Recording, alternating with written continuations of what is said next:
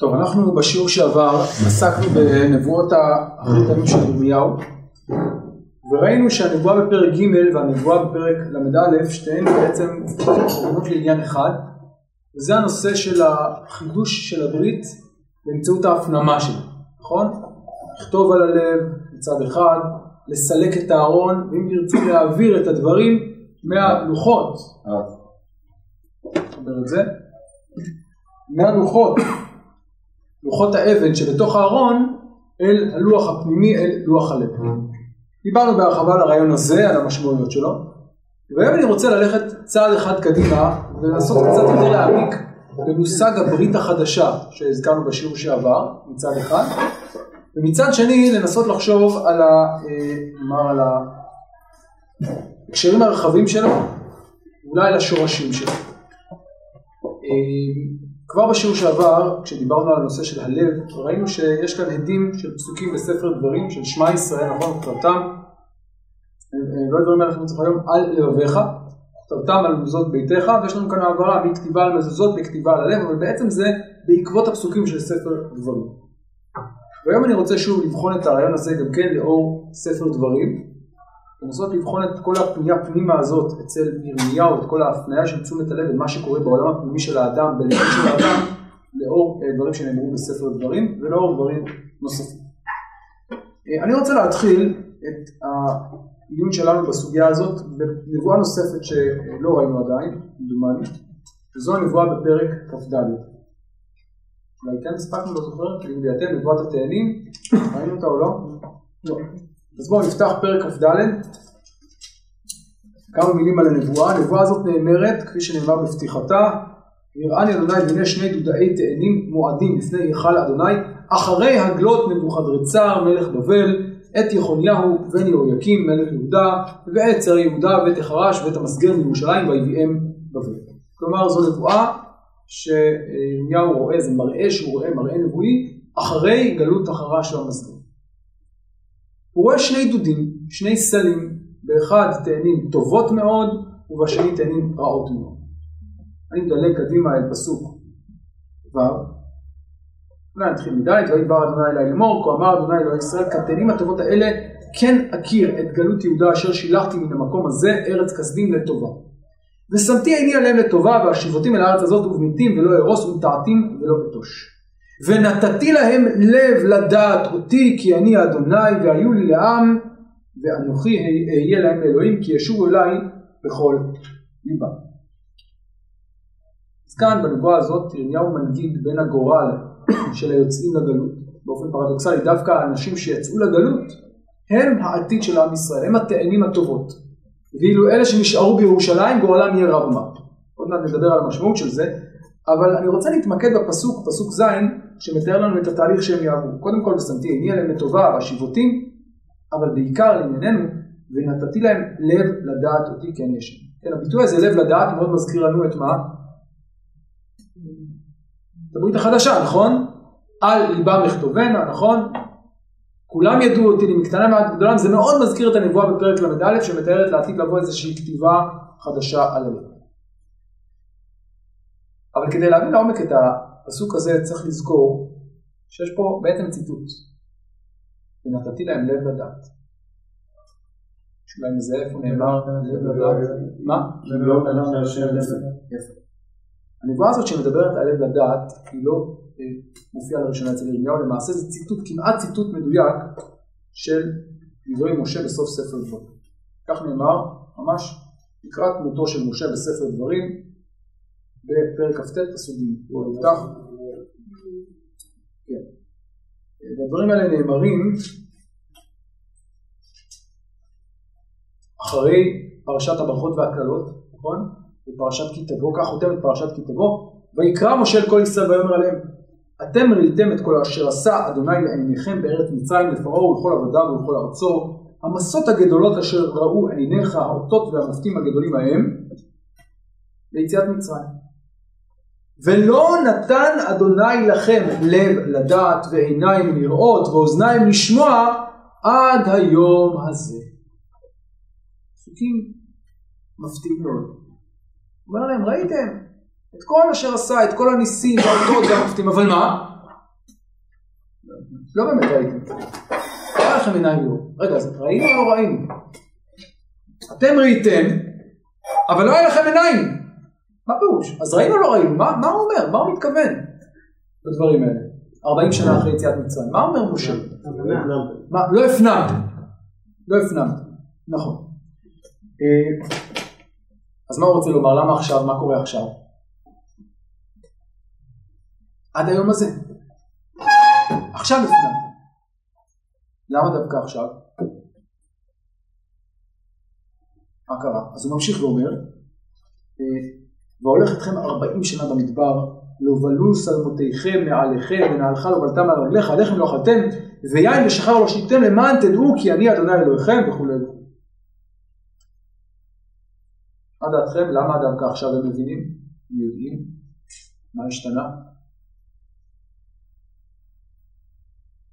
זה לא מפורש, אבל אפשר לחשוב. לדעתי, הניגוד כאן הוא בין האותות והמופעים הגדולים לבין מה שקורה בארבעים שנה הללו, שמה קורה בהם? יש ניסים, אבל איזה סוג של ניסים? יומיומיים, אישיים, מבטאים איזושהי אה, זיקה, הייתי אומר כמעט אינטימית, נכון? דאגה יומיומית, אישית.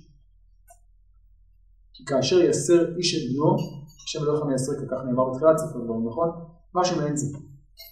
כלומר, הוא דואג לכם באופן יומיומי, ואז למפרע אתם מפנימים את משמעות הניסים הגדולים.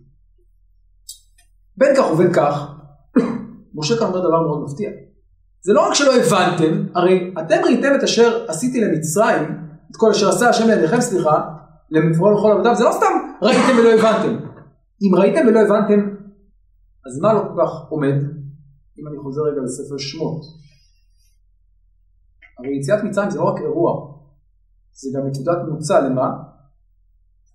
בפרק י"ט פסוק ד' אתם ראיתם אשר עשיתי למצרים ואשא אתכם על כנפי נשרים ואביא אתכם אליי ועתה אם שמוע תשמעו בקולי ושמרתם את בריתי וייתן לי סגולה מכל העמים כלומר הראייה הזאת של יציאת מצרים זה לא סתם ראייה היא בסיס לברית אז רגע אם ראיתם אבל לא נתן לכם גל לראות מה זה אומר על הברית?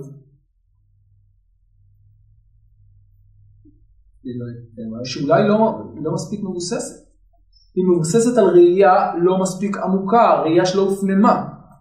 ובאמת לדעתי זו בדיוק הכוונה של משה. כי כל האמירה הזאת היא לא סתם אמירה נוסטלגית, ראיתם ולא הבנתם, יש לה מטרה מאוד מאוד קונקרטית, מה הוא רוצה להגיד להם? לא הבנתם, אבל עכשיו אתם מבינים. ולכן מה צריך לעשות עכשיו? או במילים אחרות? ברית חדשה, המכונה גם ברית ערבות מואב, וזה מה שהוא אומר, נכון? הרי זה מה שהוא אומר בהמשך. ושמרתם את דברי הברית הזאת, אתם ניצבים היום כולכם לעוברך בברית השם אלוהיך ועלתו, ושואל השואל, רגע, מה זאת אומרת ברית? הייתה כבר ברית לפני 40 שנה, אתה בעצמך עלית אל, ההר, אל הערפל, לוחות הברית. אז רגע, הייתה ברית או לא הייתה ברית? ואם הייתה, למה צריך עוד אחת? למה אתה צריך לעשות זה? לדעתי זאת התשובה לשאלה. ראיתם, אבל לא הפנמתם. ולכן גם הברית שהייתה, היא הייתה ברית מוגבלת, חלקית, לא שלמה. ולכן עכשיו אחרי 40 שנה, רגע לפני הכניסה לארץ, הגיע הזמן לחדש את הברית. כלומר, הפסקה הזאת היא בעצם צידוק לברית החדשה. ומהו הצידוק? הברית הקודמת הייתה ברית לא מספיק מעמיקה. היא התבססה על חוויות לא מעובדות. ועכשיו, אחרי 40 שנה של עיבוד והפנמה וקליטה, הגיע הזמן לכרות את הברית מחדש. עד כאן ספר דברים. נכון? זה משה, זה ספר דברים, זה הקדמה לברית ערבות מואב. ואם עכשיו נחזור לירמיהו, אפשר לדעתי להבין עכשיו בדיוק מה ירמיהו אומר. מה זה מנתתי להם לב לדעת אותי כי אני אשם?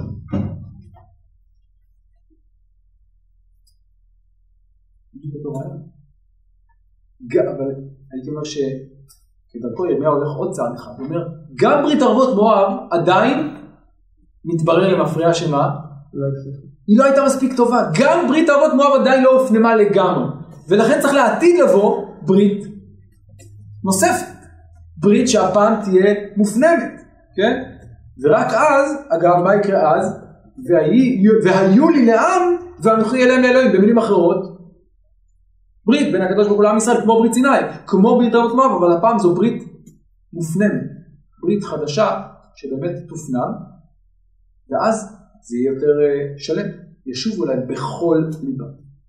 במילים אחרות, רעיון ברית החדשה הוא בעצם מבוסס על ספר דברים, אבל הוא צועד צעד אחד קדימה. כמו שראינו לגבי שמע ישראל, שגם הוא רעיון דומה, אבל זה צעד אחד קדימה. אה,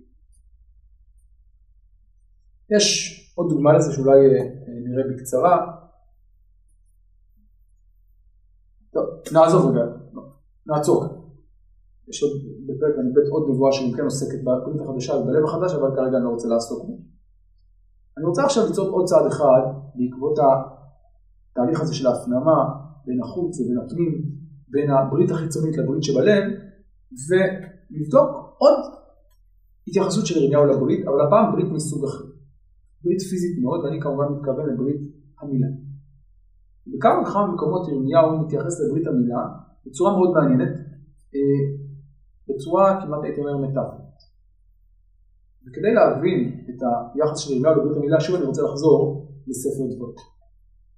בכמה מקומות בספר דברים אפשר לראות שהמילה היא לא רק מעשה פיזי, אלא מטאפור. איפה מוצאים את הדבר הזה? איפה המילה הופכת למטאפורה בספר דברים? מישהו אולי זוכר? יפה, אז בואו נדלג לפרק י' פסוק ט"ז בספר דברים. שם נאמר כך. י' ט"ז.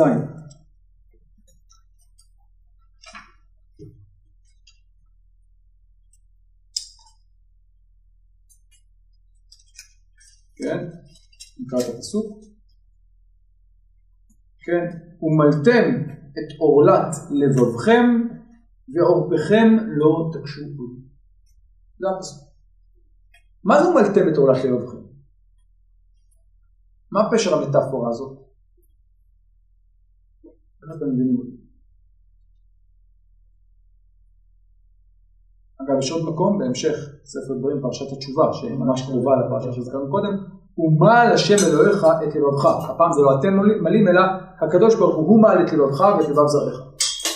מה זה מילת הלב בספר דברים? מה היא מסמלת? מה היא מבטאת? פתיחה. פתיחה, נכון, מילה זה משהו שהוא, עורלה זה משהו שהוא אוטם, ומילה זה משהו שהוא מסיר את האטימה. אז אם העורלה היא אטימה, היא כיסוי, אז עורלת הלב היא משהו שמכסה, אוטם את הלב. הלב לא פתוח לקלוט. לכן אומר הקדוש ברוך הוא, אומר משה, ומלתם את עורלת לבבכם, ועורפכם לא תקשו עוד. אגב, יש לנו כאן עוד מטאפורה, מה זה עורפכם לא תקשו עוד? מה זה עם קשה עורף? זה לא באמת שיש לו עורף קשה, זה ביטוי לעקשנות, לסרבנות. באותו אופן, לב ערל זה לב ש... מה? שהוא לא, לא, לא פתוח, לא, הוא עקשן, הוא לא מבין, הוא לא מבין, הוא לא קולט. כן. אגב, זה גם בספר ויקרא, אז יקרא לבבם הערל, זה מופיע גם בספר ויקרא, ואז ירצו את עוונה. כן, יש לב ערל, אז אפשר למול. אז זה הרעיון של מילת הלב בספר דברים. אז שוב, המילה היא מטאפורה. האם זה אומר משהו על מילת ה... על ברית המילה עצמה? האם ספר דברים מתייחס לברית המילה עצמה? לא, פשוט משתמש במטאפורה של מילת הבשר למילת הלב. זה ספר דברים. והנה, כשאנחנו מגיעים לספר ירמיהו, שוב אפשר לראות בעקבות ספר דברים מהלך דומה אבל צעד אחד קדימה. בואו נדלג רגע לירמיהו פרק ד' פסוק ג' ונראה כיצד ירמיהו משתמש במטאפורה הזאת.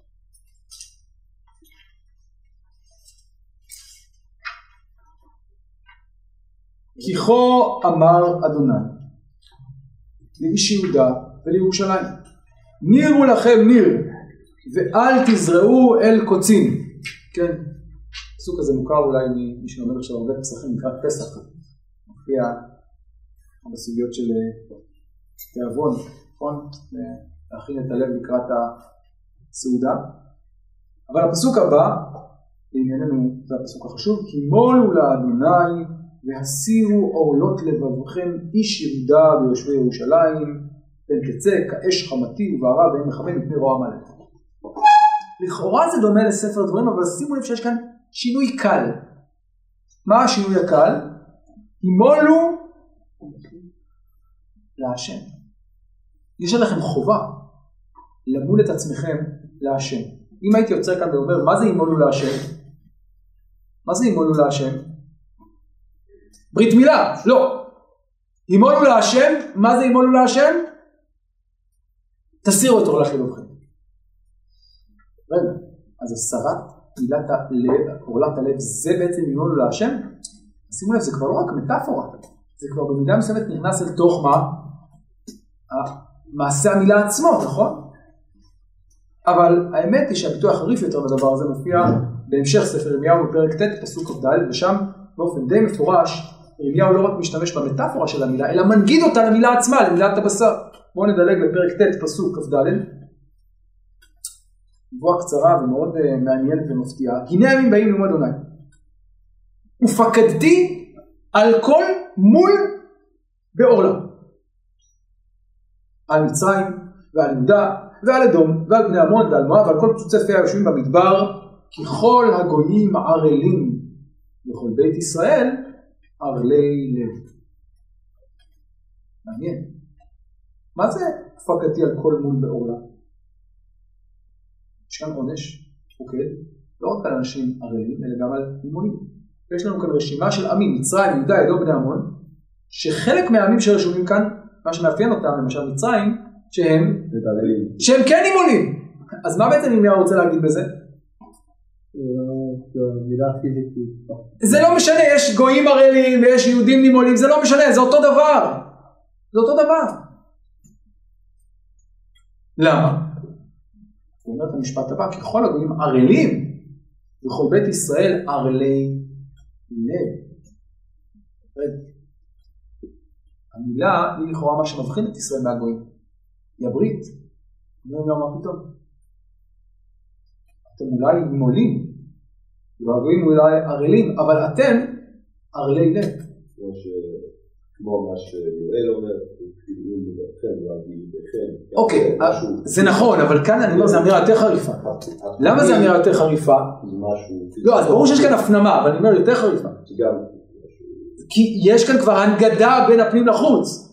מה זה עוזר שאתם נימולים אם הלב שלכם ערל? זה כבר אמירה מאוד יותר חריפה. כלומר, זה הנגדה בין הפנים, זה לא רק מטאפורה כמו בספר דברים, זה כבר הנגדה בין הפנים לחוץ, אומר ההבחנה בין הפעולה הפיזית שלכם לחתוך את העולה, זה לא משמעותי. זה לא מבחין באמת ביניכם לבין הגויים, כי גם יש גויים נימולים. אם אתם ערלי לב, אין משמעות לערלות, למילת הבשר. אה, זאת האמירה של ירמיהו. ואם נחזור רגע לדברים שהיינו בשיעור שעבר, שימו לב שזה מהלך מאוד מאוד דומה, נכון? ראינו, כשדיברנו על ארון ועל הלוחות, נכון? ראינו שהארון והלוחות מה הם מסמלים? את הברית החיצונית, אומר ירמיהו זה לא עוזר, להפך צריך לסלק את הארון, לא ייפקד ולא ייזכר. ומה צריך לעשות? להעביר את הברית מהלוחות, מהאבן, אל הבשר, אל הלב. והנה כאן אותו דבר. הברית צריכה לעבור מהבשר, מהאיבר הפיזי, אל הלב פנימה, אל הפנימה. ויותר מזה, אולי יש אפילו קשר בין שני הדימויים האלה, בואו נחשוב על זה. קודם אמרנו שירמיהו מדבר על ברית חדשה שתיכתב על הלב, מהו התנאי לכתיבת הברית על הלב? שהלב יהיה נימון. שימו לב ששני הדימויים מקלקלים. אז יש כאן שתי בריתות, ברית המילה וברית סיני, הברית האישית והברית הלאומית, לוחות הברית ומילת הבשר, ברית המילה, ושניהם קשורים, בשניהם עושה ירמיהו את אותו מהלך של הפנמה מהלוחות אל הלב ומהבשר פנימה. בשני המקרים גם הלב נמצא במרכז. קודם כל מלאים את עורלת הלב, ואז גם אפשר, אחרי שהסרנו את האטימה, את הכיסוי של הלב, אפשר גם לכתוב על הלב, אפשר להפנים את הלב. זה מה של ירמיהו, זה מה של נבואת ירמיהו, ואני רוצה להוסיף עוד דבר. כאן טיפה אה, נחרוג מההקשר המיידי של נבואת ירמיהו. רגע אחד.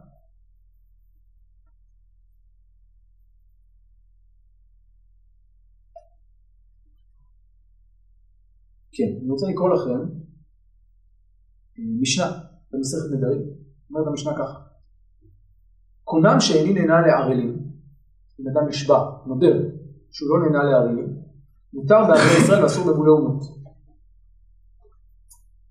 קונם שאיני נהנה למולים, אסור בערלי ישראל ומותר במולי עקום. מולי גויים.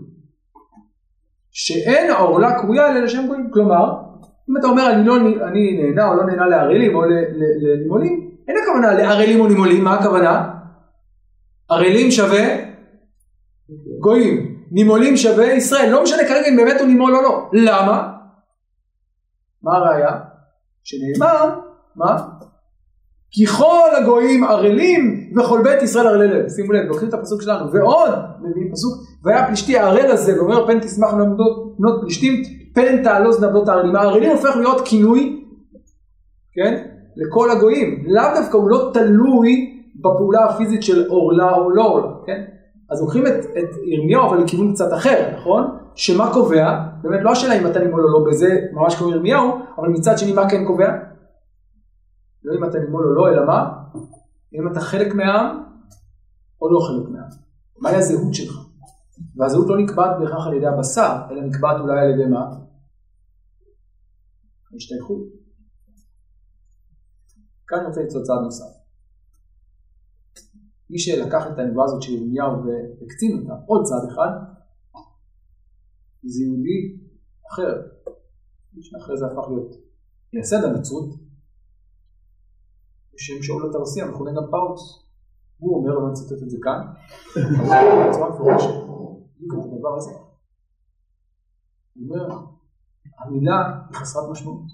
כשהוא פונה לגויים ורוצה להפוך את הנצרות למכת יהודית, לדת אוניברסלית, מהו המחסום העיקרי שעומד בפני הגויים להפוך ליהודים? המילה. המילה. ולכן באמת, בתחילת הנצרות היא עדיין כת יהודית קטנה. מי שפורץ את המחסום הזה זה פאולוס. בעקבות מה בין השאר? מה? הברית החדשה שמדבר עליה פאולוס היא ברית חדשה שבעצם אומרת לא צריך יותר ברית בבשר. אם אתם בפנים מאמינים, נאמנים, זה לא משנה מה יש בחוץ, ברית, נימולים, ערלים, הבשר לא רלוונטי, מה שרלוונטי זה הלב. שים לב זה מאוד מאוד דומה לירמיהו, זה בעצם מבוסס על ירמיהו, אבל זה עוד צעד אחד קדימה, שאומר לא רק שאני יוצר הנגדה בין הפנים לחוץ ואני רוצה שיהיה ביניהם הרמוניה, אלא במידה מסוימת אני נוטש את החוץ, ואני עובר רק אל העולם הפנימי, בלי להתחשב בכלל במה שקורה בחוץ. שימו לב לך. גם לגבי הקורבנות, נכון, אה, ולא דיברנו על הקורבנות אצל ירמיהו. מה? דיברנו על זה הרבה, לא? על הקורבנות? דיברנו על קורבנות? כן, אוקיי. לא, אז כן דיברנו על קורבנות, לא זכרתי אם הספקנו לדבר על זה, אבל כן, זה רעיון דומה, אבל גם שם שוב צריך לשאול, האם ירמיהו אומר הקורבנות הם חסרי משמעות, כן? אה, בדיוק, הוא לא אומר שהם בשר, כלומר לא ציוויתי, כלומר זה פחות חשוב, ובוודאי אין לזה ערך כאשר משהו פנימי, אבל אצל פאולוס שוב זה הליכה יותר חריפה שאומרת ש... אגב, הוא אומר עוד דבר, הוא אומר גם, אם אתה נימול בחוץ ואתה לא עושה בפנים, זה יותר חמור, זה יותר בעייתי, כן. אז לכן עדיף לוותר על כל האקט החיצוני. ועל כל, במובן הזה, ויתור כללי לא רק על הברית, הברית כאן זה סימבול לכל המצוות המעשיות שבבשר. טוב. אה, אגב, הרמב"ם אומר שם בפירוש המשנה, בנדרים, גם זה ברור שהכוונה במולים מי שמאמין במילה, וערלים מי שאינו מאמין במילה. אז במה זה תלוי? באמונה.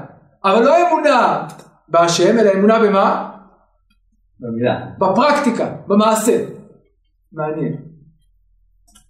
האם יש כאן איזה התמודדות עם התפיסה הנוצרית? בהחלט יכול להיות. אבל זה, זה, זה דומה, אבל זה גם הפוך.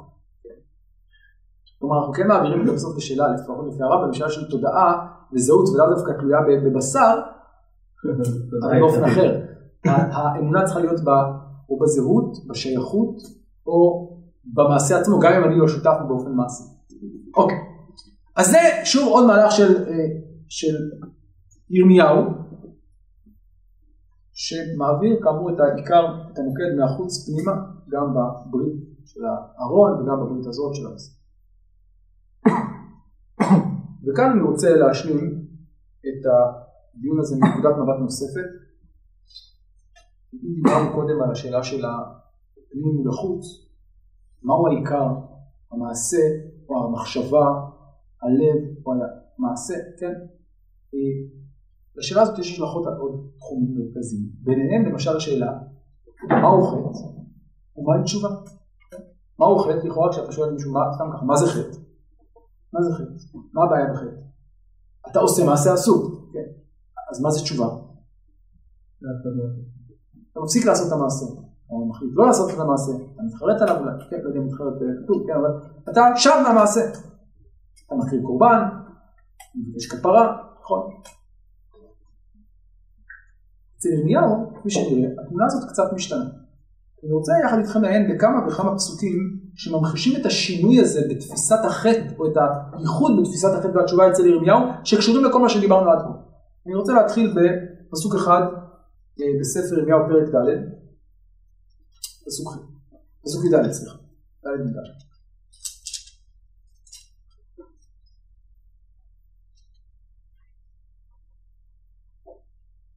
כן, ככה אומר ירמיהו.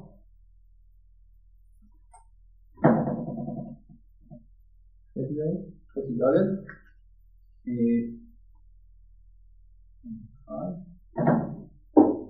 כן. כבשי מרעה ליבך, ירושלים. למען תבשל, לא סליחה, ד' ד', סליחה, לא, ד' וד'. כבשי מרעה ליבך ירושלים, למען תבשל. עד מתי תלין בקרבך מחשבות עונך? אני רוצה רגע לחשוב על המטאפורה הזאת, שוב ראיתם שאצל נביאים מטאפורה היא לא סתם קישוט. מה זה כבשי מרעה ליבך ירושלים? מה הכוונה? מה זה הדימוי הזה של כבשי מרעה ליבך? נתחיל רגע בחטא, מהו החטא? מה החטא עושה? החטא הוא לכלי. אגב, חטא יכול להיות עוד הרבה דברים, חטא יכול להיות מה עוד? למשל, טומאה. טומאה זה קצת מופשט מדי, נכון, אבל זה נכון, טומאה, חטא מטמא. החטא הראשון בשני בתנ"ך, ממית, גדול עווני, ניסו, גם משקל, מסע כבד שצריך להשתתף, אז אתה, איך אתה מכפר? אתה, אתה נושא אותו, אתה נושא עוון, כן? המשקל הזה, אתה עוזר לי לשאת אותו מעליו. כאן יש לנו דימוי נוסף, החטא ככתם, כלכלוך. אז מה צריך לעשות לחטא? דימוי כתם? לתאר אותו. איך מתארים אותו? מחפשים אותו. נכון. ובואו נשים לב עוד דבר מעניין. איפה הלכלוך הזה מתקיים? בלב. כלומר, מה החטא עושה בעצם? מה הבעיה העמוקה בחטא? שהוא מכתים את הלב. ולכן מה צריך לעשות? כבסי מרעה ליבך. הלב יש בו רע, יש בו מחשבות שליליות. עד מתי תלין בקרבך, קרבך זה מקביל לליבך, מחשבות עונך. מה זה מחשבות עונך? מחשבות של עוול. אז המחשבה, איפה היא נמצאת? בלב, בקרב, בקרבו של האדם. אז מה צריך לעשות? לסלק את מחשבות הרוע, מחשבות העוול, לכבס את הלב, לשפשף אותו, mm-hmm. ולתאר אותו מהכתם. אז זה חטא, וזו תשובה. חטא זה לכלוך של הלב, נכון זה מעשה, אבל העיקר של החטא זה לא מעשה שאתה עושה, העיקר של החטא זה שהוא משפיע לך בפנים על הלב, הוא מלכלך לך את הלב, הוא מכתים את הלב. התיקון האמיתי הוא לא רק חזרה בתשובה במובן של מעשה, אלא הוא כיבוס הלב. או, רגע, רגע, רגע, רגע, רגע, עדיין אתה כבר קופץ, כולנו מכירים את הרמב"ם, אבל רגע. אני רוצה ללכת עוד צעד אחד קדימה. אגב, צריך לומר שהמטאפורה הזאת מופיעה בעוד מקומות, למשל, מי עוד זוכר מטאפורה דומה בתנ"ך? כן, החטא, או התשובה ככיבוס. נכון. ערב קבסני מעווני ומחטאתי. עכשיו, מאוד דומה, נכון, ערב קבסני מעווני צריך לכבס, אבל שימו לב מה חסר כאן בתהילים. מה זה ערב קבסני? את מי לכבס? אותי. איפה נמצא החטא? בי. האם זה דווקא בפנים, בחוץ? לא כתוב. החטא הוא כתם שצריך לכבס אותו. נכון, יש שם לב טוב. אבל עדיין הערב קבסני זה אמירת הכללית. כאן צריך לכבס את הלב. אני אתן עוד דוגמה של חטא כלכלוך. ישעיהו. ישעיהו פרק א', בואו נדלג בישעיהו פרק א', אחת הנבואות המפורסמות בהקשר הזה.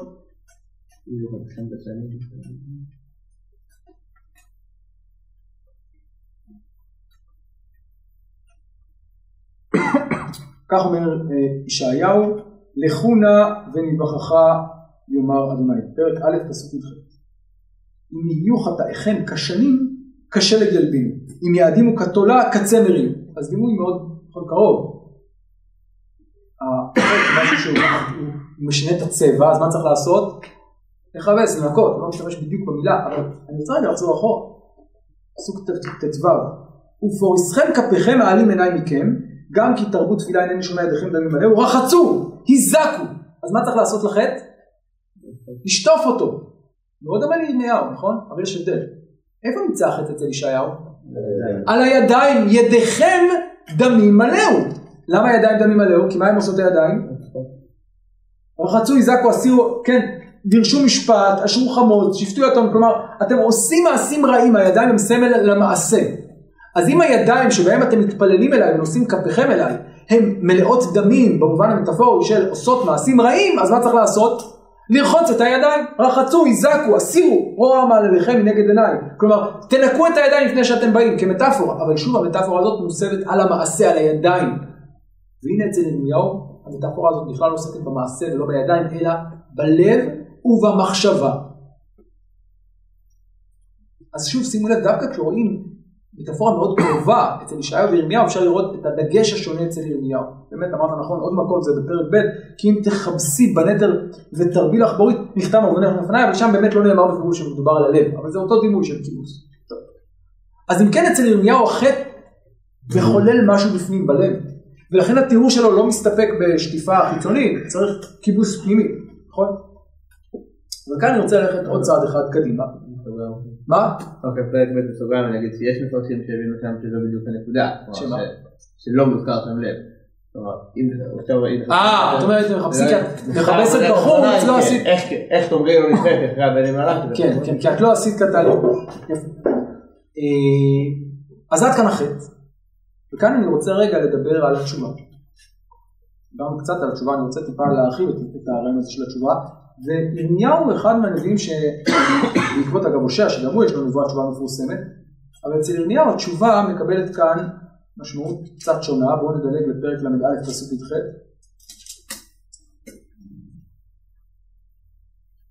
נתחיל מפסוק י"ז. שמוע שמעתי אפרים מתנודד. יסרתני ויבשר כעגל לא לומד. השיבני ואשובה כי אתה אדוני אלוהי. ואחרי שובי ניחמתי, ואחרי ודאי ספגתי על ירך, בושתי וגם נכלמתי כי נשאתי חרפת נעוריי. יש לנו כאן תיאור של תשובה, ובעצם תיאור לא רק של התשובה, אלא של התהליך שעובר אדם. עכשיו שימו לב, אם אני מדבר רגע על uh, תיאורי תשובה בתנ"ך באופן כללי, מדובר על לשוב אל השם, כן, קחו עמכם דברים ושובו אל השם, כך אומר ראש. אמרו לפניו, מה עושים אם כן בתשובה? באים ו... מדברים, מתוודים, אומרים, מודים בחטא. ואומרים, לא נעשה את זה. זה לא מה שאומר ירמיהו. מה מצריכה תשובה אמיתית לפי ירמיהו? מה צריך אפרים לעשות? אחרי שובי, אגב, אחרי שובי זה מוזר. ניחמתי, מה זאת אומרת אחרי שובי ניחמתי? הפסקתי לעשות חטא. אבל רגע, אז אחרי התשובה אתה צריך להתנחם? קצת מוזר. כן, כן אומר ירמיהו. אתה קודם כל צריך לשוב, זה שלב ראשון. לשוב אל השם, אבל לא מסתפק בזה שאתה שב אל השם, דהיינו חוזר לדרך הישר, חוזר לקדוש ברוך הוא, אלא אתה צריך גם לעשות תהליך פנימי, שמה הוא דורש? ספגתי, אה, ניחמתי, ספגתי על ירך ובושתי וגם נכנעתי. התחושה הזאת של בושה וכלימה היא תחושה מאוד חשובה בחוויית התשובה. למה? כי היא מבטאת חוויה פנימית של מאיסה, של התרחקות מהחיים. ובאמת, אה, וזאת תשובה כנה ואמיתית, ובאמת בכמה וכמה מקומות ירמיהו מדבר על אה, חרטה ועל בושה, למשל אני אתן לכם כמה דוגמאות לזה, אה, למשל,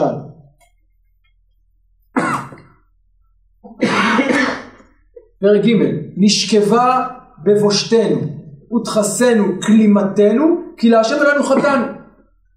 הובישו, ומצד שני, הובישו כי תועבה עשו, גם בוש לא יבושו, גם מחלים לא ידעו, כן? כשירמיהו אה, מבקר אותם, מה הוא אומר להם? לא רק שאתם חוטאים, מה אתם עושים?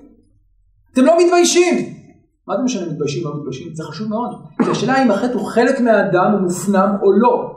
האם האדם מזדהה עם החטא או לא. אם אתה לא בוש, זה אומר שאתה מזדהה איתו. בעוד מקום, בפרק ג' ומצח אישה זונה אלך, מאן תיכלם. מה הביקורת? על אותה עזות פנים, כלומר אין אפילו בושה, אין חוויה פנימית של דחייה מתוך, מהחטא או של אה, אה, אה, ריחוק מהחטא, להפך, אנטי קלן, עזות פנים. ובכיוון אחר, באותו, באותה נבואה, גם בכל זאת לא שב אליי בגודה אחותה יהודה בכל ליבה, כי אם בשקט. לא בכל ליבה, אלא בשקט. אז שוב, יש תשובה, אבל תשובה שהיא חלקית, שהיא לא בכל ליבה, אלא בשקט. אה, ובמקום נוסף אומר ירמיהו, אין איש ניחם על רעתנו, הוא מה עשיתי? מה עשיתי? כלומר, מה הביקורת שלו שוב? שאנשים לא, לא רק שהם חוטאים, אין להם רגע שבו הם תוהים על החטא, שבו הם מרגישים איזו תחושה אמביוולנטית לגבי החטא, ניחמים על החטא, כמו שראינו קודם, אחרי שבי ניחמתי. כולו שב מרוץ, במרוצתם כסוס שוטף במלחמה, כלומר הם רצים, בלי לחשוב, בלי להרגיש, בלי להתבונן, בלי להתנחם, להנחם, בלי להתבייש, כמו בעלי חיים, כמו סוסים, זה הביקורת. עכשיו, הדבר הזה הוא ייחודי לירמיהו, הנושא הזה של הבושה והכלימה כרכיב מרכזי בתשובה. לא זו בלבד, אלא כשהרמב"ם, בהלכות תשובה, שהוא בעצם מאסף את כל תיאורי התשובה, ואגב מרתק ממש לעיין ברמב"ם ולראות איך הוא משבץ כל מיני פסוקים מלוויים, כשהוא מגיע לתיאור התשובה בהלכות תשובה, הוא אומר כך, כולנו מכירים את הרמב"ם נכון? היטב, וכך אומר הרמב"ם, ומהי התשובה? הוא שיעזוב החותך חטאו ויסירו ממחשבתו ויגמור בליבו שלא יעשהו עוד שנאמר יעזוב עכשיו דרכו ושאב להם מחשבותיו וכן יתנחם על שעבר שנאמר כי אחרי שובי ניחמתי. ובאמת ירמיהו למיטב ידיעתי הוא לא יודע אם יחיד אבל בוודאי הבולט ביותר בנביאים ששם את מרכז הכובד של התשובה על הנחמה, הנחמות, על החרטה ועל הבושה בכם. למה? מאותה סיבה בדיוק. כי אם אני שם את הפוקוס על התהליך הפנימי שהחטא גורם לי, אז גם התשובה צריכה להיות שם. גם התשובה צריכה לבטא איזשהו מאוס, כלימה, בושה, נחמה. תהליך פנימי שאדם עובר אה, אה, ביחס שלו לתשובה. לא, סליחה, ביחס שלו לחטא.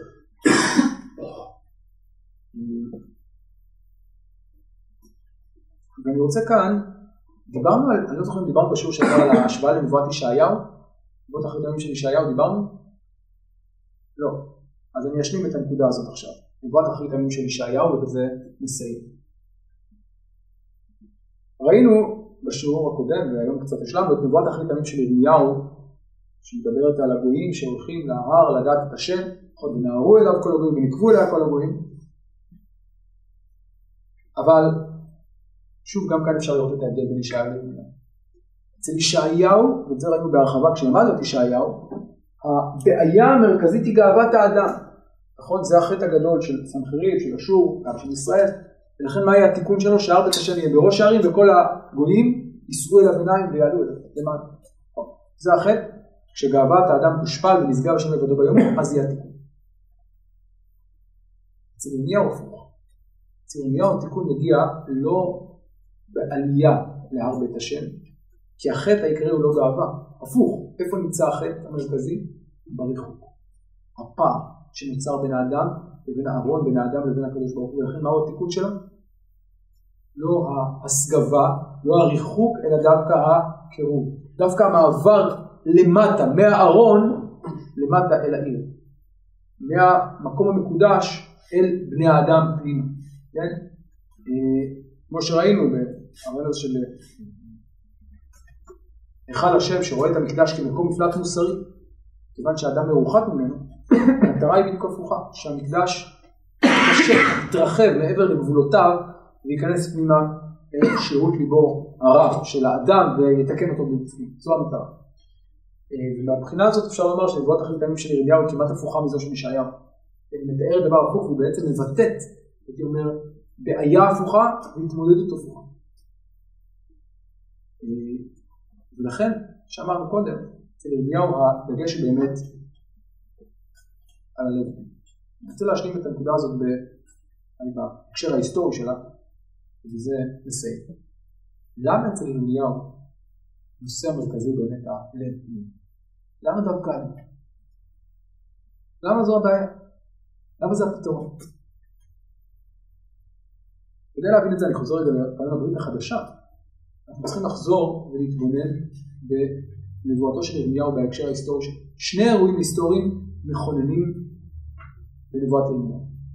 האחד, בראשית נבואתו, הוא האירוע האופטימי של הברית החדשה של יושיע. האחר, שאליו צופה הנבואה שלו כל הזמן, זה הסכנה, הצל הכבד של חורבן ירושלים, של הכיבוש הזה. בין שתי הנבואות הללו, בין שני האירועים הללו, נבואות ירמיהו בעצם מתקיימות ופועלות. והברית החדשה של יאשיהו היא לכאורה ברית שאמורה לתקן את המצב. לא כולם מקבלים את זה. למשל, חולדה אומרת, זה לא יעבור. חולדה נביאה כשבאים אליה אומרים לה, רגע, יאשיהו קראת ברית, היא אומרת, לא מעניין. זה לא יעזור. מקסימום, מצאנו את ספר התורה, רוצים לחזור, זה לא יעזור. מקסימום מה שזה יוכל לעשות זה לדחות קצת את הקץ, אבל הקץ יגיע. חטות מנשה גדולים מדי, כבדים מדי. ירמיהו לא אומר, ירמיהו אומר כל הזמן יש תקווה. יש שלב מסוים. כן, אבל, יש, אבל בתחילת הדרך הוא כן מאמין בברית הזאת. הוא אומר יש סיכוי, אבל בסופו של דבר מה קורה? לא, בסופו של דבר הברית הזאת מופר, אה, סליחה, הברית הזאת לא עוזרת, לא עובדת, ובסופו של דבר מגיע החורבן. איך אפשר לפשר בין שני האירועים הללו? אפשר לדבר על חטאות מנשה, זה דבר אחד, אבל לדעתי יש כאן עוד נקודה מאוד מרכזית. מה שירמיהו אומר בעצם, לאור כל הרעיון הזה של הברית החדשה, שהבעיה המרכזית היא לא בזה שלא הייתה ברית, אלא בזה שהברית לא הייתה ברית עמוקה. שהיא שבה, אבל לא בכל ליבה. ולכן אומר ירמיהו, לעתיד לבוא, זה בדיוק יהיה התיקון. התיקון יהיה שנחדש את הברית, אבל לא כמו יאשיהו, אלא ברית אמיתית. ובשביל זה צריך תהליך הרבה יותר עמוק. ואולי, אולי, אומר ירמיהו, בשביל זה מה צריך לעשות? בלית ברירה, לצאת לבית. ולכן, מי הוא זה שיכרות את הברית החדשה? התאנים הטובות. כלומר, מי שיצא לבית. כלומר, אולי המסקנה של ירמיהו בסופו של דבר, שהברית הזאת, הניסיון האחרון הזה, לשנות, לתקן, לשקם, הוא לא עובד הוא לא מופנם, הוא לא עמוק הוא לא מספיק אה, אה, אה, בתוך הלב. לכן הדבר הזה יקרה רק לעתיד לבוא, רק אחרי תהליך הרבה יותר עמוק של הפנמה, ואולי הוא צריך לקרות דווקא בגלות. אז זה, אני חושב, באמת כאן ברקע הנבואות הללו של הברית החדשה של ירמיהו, ולכן נושא כל כך מרכזי בנבואות שלו. אז אנחנו נעצור כאן, בעזרת השם בשיעור הבא אני רוצה להשלים את העיון שלנו בירמיהו, אה, בעוד נושא אחד מעניין שמשלים את המבט הזה לפנייה פנימה, זה מה שקשור לבחינת הלב ודעת אלוהים, זה בעזרת השם משלים את הסדרה הזאת.